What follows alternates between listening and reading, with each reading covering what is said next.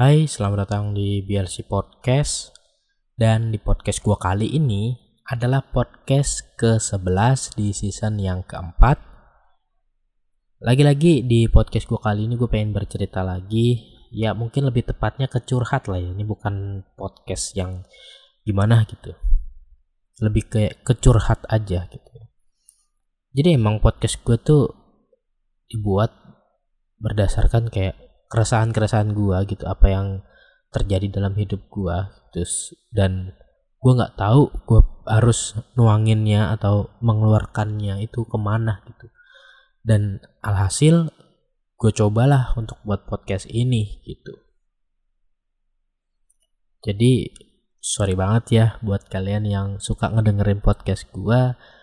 Kalau misalkan uh, kayak gue terus-terusan curhat atau gimana. Yang pada awalnya podcast ini tuh um, menurut gue waktu gue awal bikin itu lebih kayak keresahan dari kayak hal-hal yang universal gitu ya. Hal-hal yang umum gitu.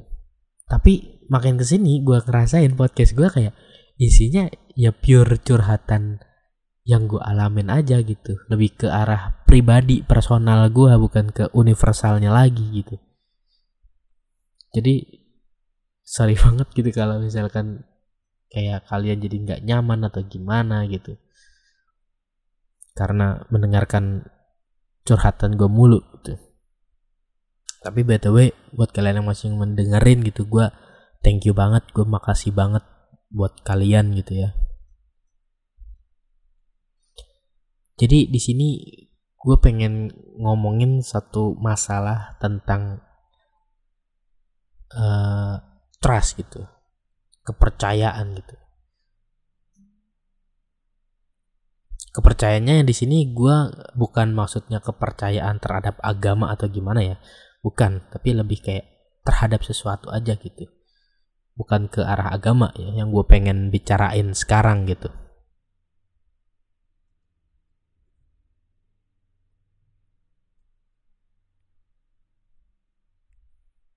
Dan ini sorry banget juga sebelumnya kalau misalkan uh, banyak suara motor lewat atau nanti ada suara kayak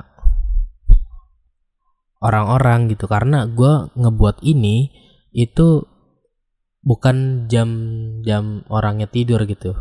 Jadi gue ngebuatnya masih sore sekitar jam 8 sampai jam 9 malam gitu ya.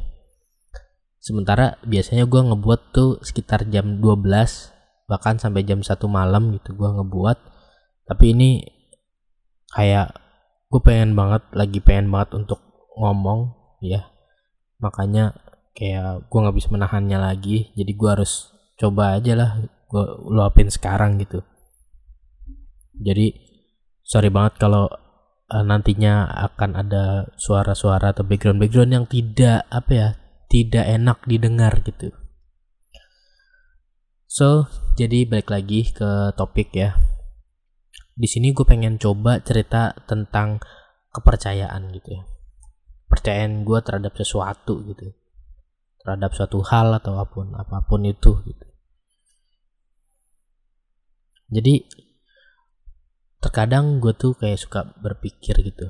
Apakah bisa gue percaya kepada seseorang gitu apakah gue bisa percaya terhadap suatu hal ini gitu. Itu bikin gue tuh kayak bertanya-tanya gitu ya. Dalam hati. Yang pada dasarnya masih memiliki keraguan gitu dalam diri gue tapi gue tetap kayak berusaha ya udah gue coba aja percaya gue coba percaya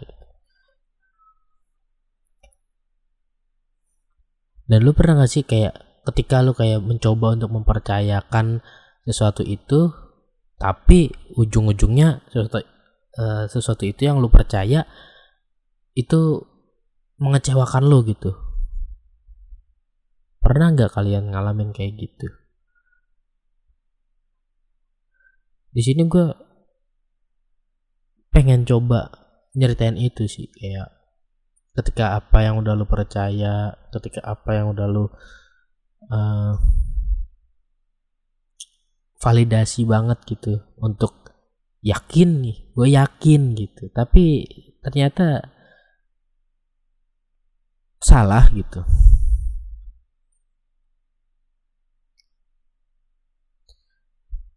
Contohnya gitu misalkan gue yakin banget dengan keputusan gue gue bakal melakukan A B C D. Stepnya udah gue susun rencananya udah gue buat ya kan? Gue harus apa apa apa dari awal sampai ke akhir harus gimana gitu. Tapi suatu yang gue percaya itu tiba-tiba melenceng gitu. Tidak sesuai dengan apa yang gue percayakan tadinya gitu gue yakin bakalan berjalan lancar mulus tapi ternyata berbeda gitu.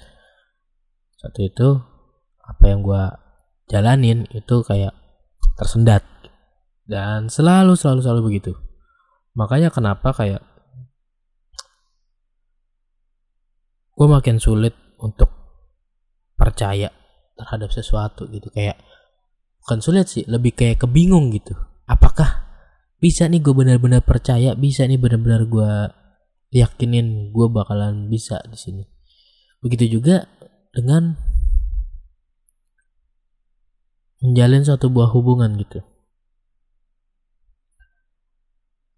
Terkadang kayak gue tuh ngerasa memiliki keraguan keraguan juga gitu dalam diri gue gue mampu nggak gitu? Gue mampu nggak untuk menjalani ini semua atau gue mampu nggak untuk mempertahankan ini semua sehingga semuanya akan better aja gitu nggak ada masalah gitu atau justru malah nanti akan berbalik akan menjadi banyak masalah dalam hidup gue dalam hubungan gue gitu. gue kayak nggak tahu gitu untuk sekarang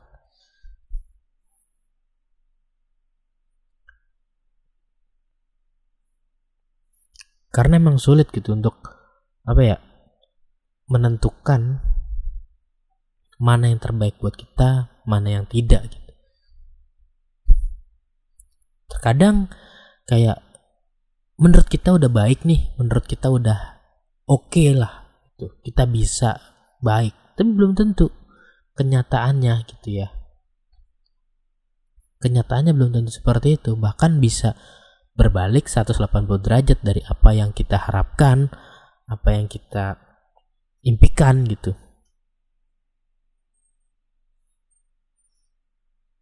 Jadi uh, gimana ya? Kalau menurut gua ketika lu sudah percaya gitu terhadap sesuatu. Agar lu tidak apa ya tidak merasakan yang terlalu sakit gitu ketika kenyataan itu berbeda ya lu jangan berharap besar gitu. Jangan terlalu berharap dengan apa yang lu percayain itu gitu. Lebih baik lu kayak yaudah ikutin aja gimana alurnya. Nanti uh, apa yang lu percaya ini akan membawanya ke mana sehingga nanti pada garis finishnya lu bisa tahu nih apa yang bakalan terjadi sama diri lu. Walaupun itu nggak ngejamin 100% ya. Kadang juga bakalan bisa uh, berubah gitu. Tapi setidaknya lu bisa meminimalisir itu semua. Rasa kekecewaan lu rasa kayak kegagalan lu gitu. Lu bisa meminimalisir itu semua gitu.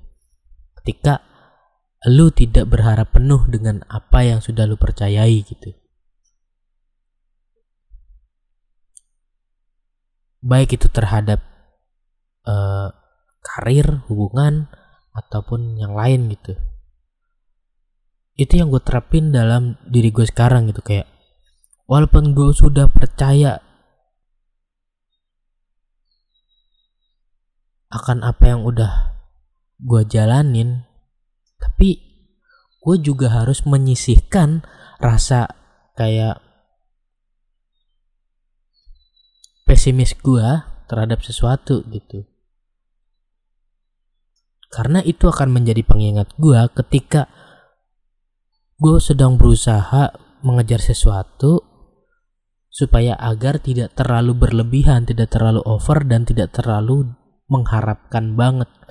Karena nantinya ketika kita sudah terlalu berharap, terlalu me, apa ya meng, mengimpi-impikan gitu ya. Terus tiba-tiba di luar dari harapan kita gitu atau di luar dari ekspektasi kita ternyata berbalik berbeda kenyataannya itu gak yang terlalu sakit gitu gak yang terlalu tertekan kitanya gak yang terlalu depresi gitu.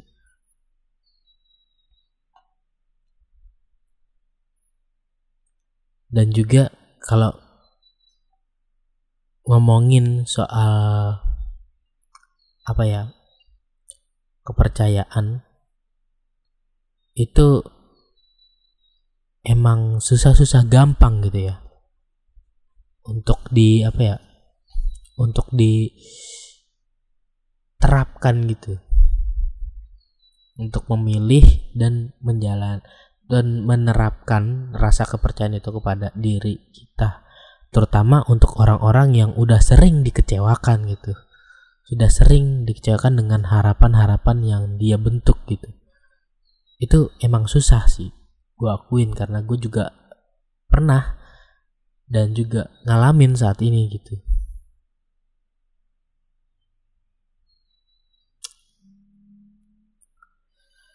dan ketika lu udah kecewa lu akan kayak pastinya marah emosi dan ya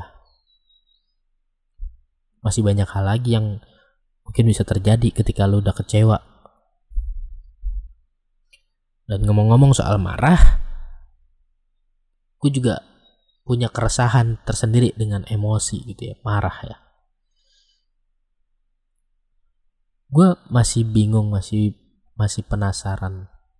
Apa sih penyebab utama kayak orang-orang tuh gampang banget dia marah gitu. Contohnya kayak gue sendiri. Gue juga uh, orang yang gampang marah gitu. Gue akuin di sini, gue orang yang tipikalnya gampang marah. Tapi terkadang orang itu pun nggak tahu nih kenapa penyebabnya. Tapi pada suatu hari gue kayak merenung, berpikir apa sih sebenarnya yang bikin gue cepet marah gitu, gampang marah apakah dari segi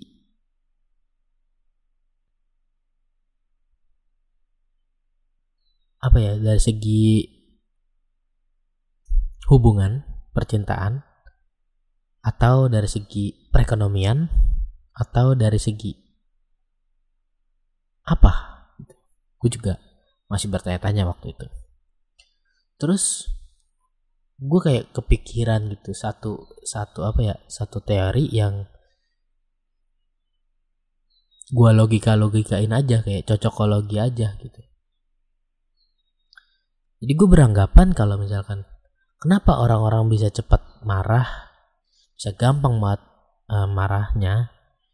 Itu menurut gue itu kebanyakan dari segi ekonomi. Ini kalau dari segi segi gue ya dari pendapat gue gitu. Orang yang gampang marah itu menurut gue itu dari segi perekonomiannya contohnya nggak usah ke mana-mana lah. Gue aja gitu gue aja yang jadi contoh gitu. Gue sendiri ngerasain gitu ketika kalau hidup kita atau perekonomian kita lagi krisis gitu kita ngomongnya krisis aja lah ya biar lebih enak didengar gitu lagi krisis.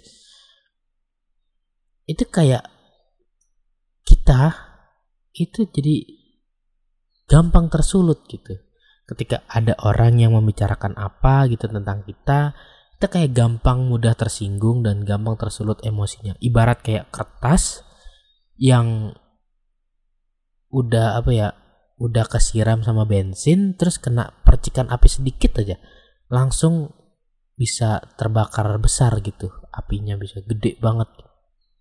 Ya itu. Karena itu juga yang pernah gue rasain gitu ya ketika lu berada di titik terendah lu dan lu nggak punya siapa-siapa ya lu nggak punya teman untuk bercerita dan lu nggak punya apa ya uang untuk untuk setidaknya uh, menetralisir rasa kekesalan lu lu jadi nggak bisa apa-apa gitu lu hanya bisa berkutik dalam pikiran lu sendiri kayak meratapi kesedihan lu sendiri gitu. Yang yang di mana itu akan berdampak ke psikologi lu yang nantinya akan menjadi kayak merasa tertekan gitu ya kan? Merasa kalau diri lu nggak bisa berbuat apa-apa lu sendirian. Itu yang pernah gue alamin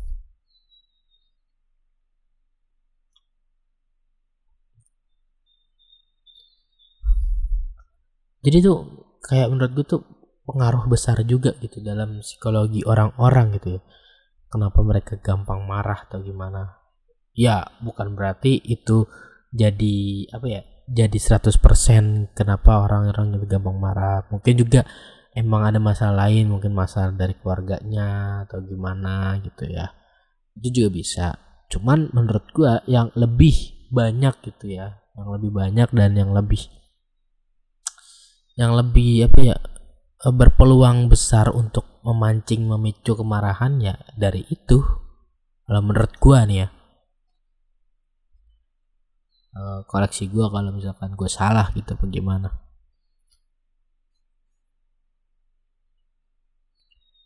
kayak kita lagi dalam posisi kayak kita nggak tahu nih harus gimana kayak mau cerita ke siapa teman pun kayak nggak ada kayak gitu kan. Nggak ada yang mau mendengarkan cerita kita kayak gitu. Terus uh, kita pun eh, nggak uh, punya uang gitu nggak punya materi. Terus tiba-tiba kita tertimpa masalah jeder gitu. Kita nggak tahu harus gimana. Dan kita nggak tahu harus berbuat apa. Kita nggak tahu harus ngapain lagi gitu. kayak ya udah kita berkutik dengan pikiran kita sendiri aduh gue ada masalah begini gue harus gimana? Gue nggak ngerti lagi kayak gimana. Pasti akan kayak gitu. Tapi coba kalau misalkan kita uh, analogikan kalau kita memiliki teman aja deh teman dulu gitu. Walaupun kita tidak apa ya tidak memiliki materi yang banyak gitu. Berarti kita uh, krisis ekonominya. Kita punya teman gitu yang bisa kita andalkan yang mau yang mau apa ya mau mendengarkan cerita-cerita kita mau berbagi satu sama lain kayak gitu. Gue yakin uh, hidupnya akan jauh lebih better gitu akan jauh lebih lebih tenang gitu. Karena ada tempat untuk dia berbagi gitu mengeluarkan semua unek-uneknya dan sekarang kita coba analogikan kepada orang yang mampu ibaratnya yang memiliki materi cukup gitu. Dan dia nggak punya teman. Ya mungkin dia juga akan bisa uh, meminimalisir masalah yang dihadapin ya dengan uangnya itu atau dengan materinya itu. Tapi tetap menurut gue itu akan kalah dengan orang yang memiliki banyak teman gitu ya. Yang temannya bukan berarti cuman hanya teman yang saat dia datang doang maksudnya teman yang benar-benar teman yang bisa ngertiin dia yang bisa mau berbagi dengan dia kayak gitu. Dan alangkah lebih bahagianya lagi ketika lu memiliki banyak teman yang bisa mengerti diri lu, yang bisa ngertiin lu, dan lu juga memiliki materi yang cukup gitu. itu gue yakin lu akan jauh lebih bahagia jauh lebih kayak better hidupnya. Lebih tenang. Walaupun lu lagi ada masalah kayak gimana pun gue yakin lu akan kayak merasa lebih tenang gitu. Nggak nggak terlalu cemas nggak terlalu khawatir atau gimana dan coba lu bayangin lagi nih yang paling buruk paling paling paling buruk ya. Ketika lu punya masalah lu nggak punya teman dan lu nggak punya uang. Damn. Apa yang bakalan lu lakuin gitu? Nggak bakal bisa dibayangin gitu. Kayak susah banget untuk dibayangkan kalau kayak gitu. Kayak bener-bener kayak lu udah jatuh ke apa udah masuk ke hutan nyasar terus lu jatuh lagi ke jurang. Itu barat kayak gitu. Udah jatuh jatuh jatuh jatuh. Kayak gitu rasanya. Dan gue tuh pernah ngalamin itu semua gitu. Ketika lu nggak punya uang lu nggak punya teman dan lu punya masalah gitu. Dan lu harus menghadapi masalah lu sendiri tanpa bantuan siapa pun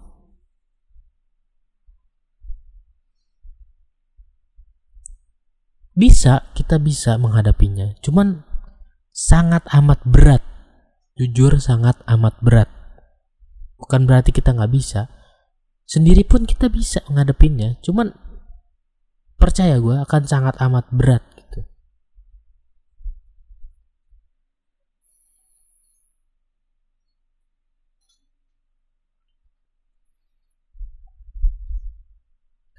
makanya di sini gue apa ya suka menceritakan kisah gue di sini karena jujur emang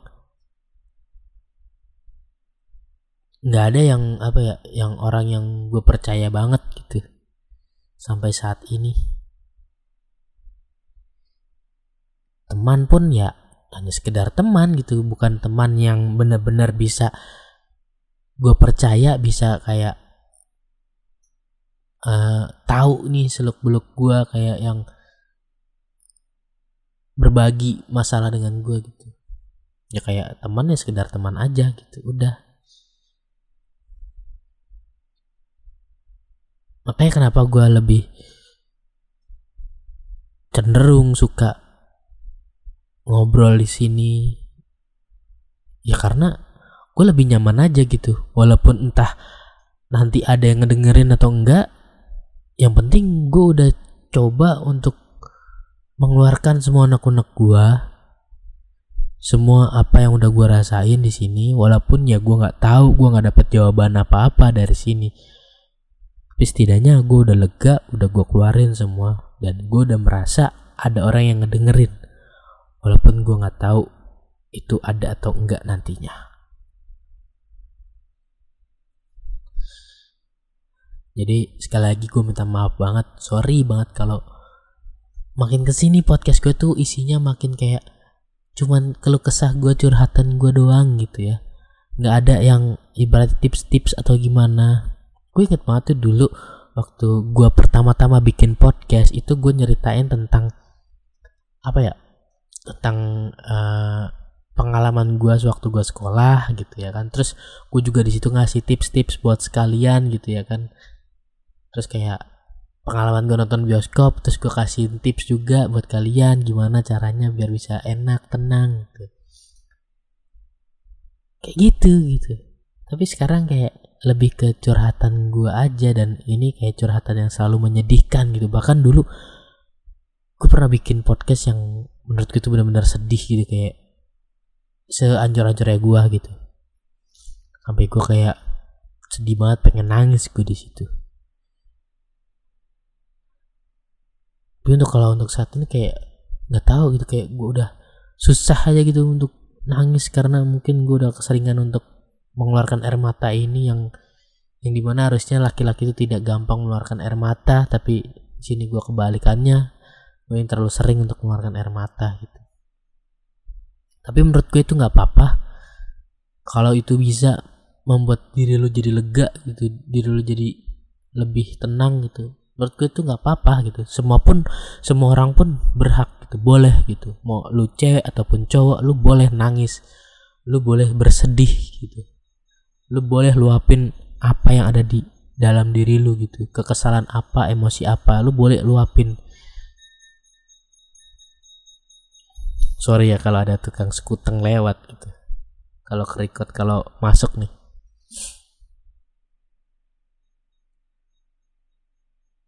jadi jangan pernah ragu untuk lakukan atau melakukan sesuatu yang membuat diri lu tuh bisa lebih lebih tenang gitu. Ya misalkan lu hobi untuk main game, itu bisa bikin lu tenang. Lu ada masalah, ya lu boleh silakan lu bisa lu bermain game. Atau lu suka ngopi gitu. Dan ketika lu ngopi, lu bisa merasa lebih tenang, lebih better gitu.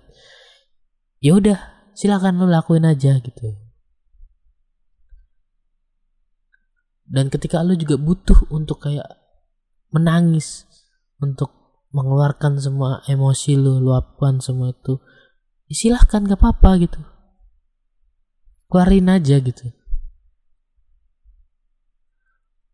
Karena emang itulah jalan yang terbaik yang bisa kalian ambil gitu. Dikala kalian tidak memiliki teman yang benar-benar teman dikala kalian tidak bisa apa ya melakukan hal lain gitu. Lakuin aja apa yang kalian bisa gitu, untuk mengurangi rasa rasa yang ada di dalam diri lu gitu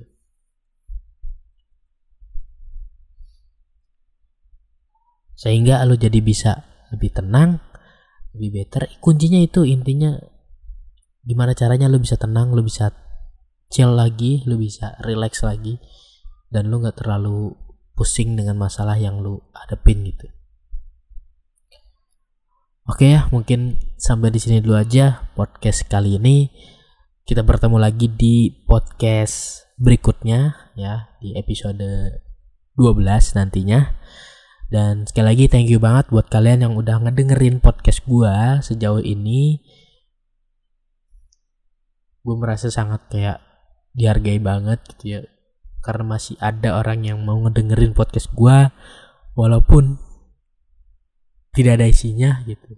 Hanya curhatan-curhatan gue doang tapi ya thank you banget sekali lagi gue. Thank you, thank you, thank you. Dan gue akhiri podcastnya sampai di sini. See you on the next podcast, guys. And bye bye.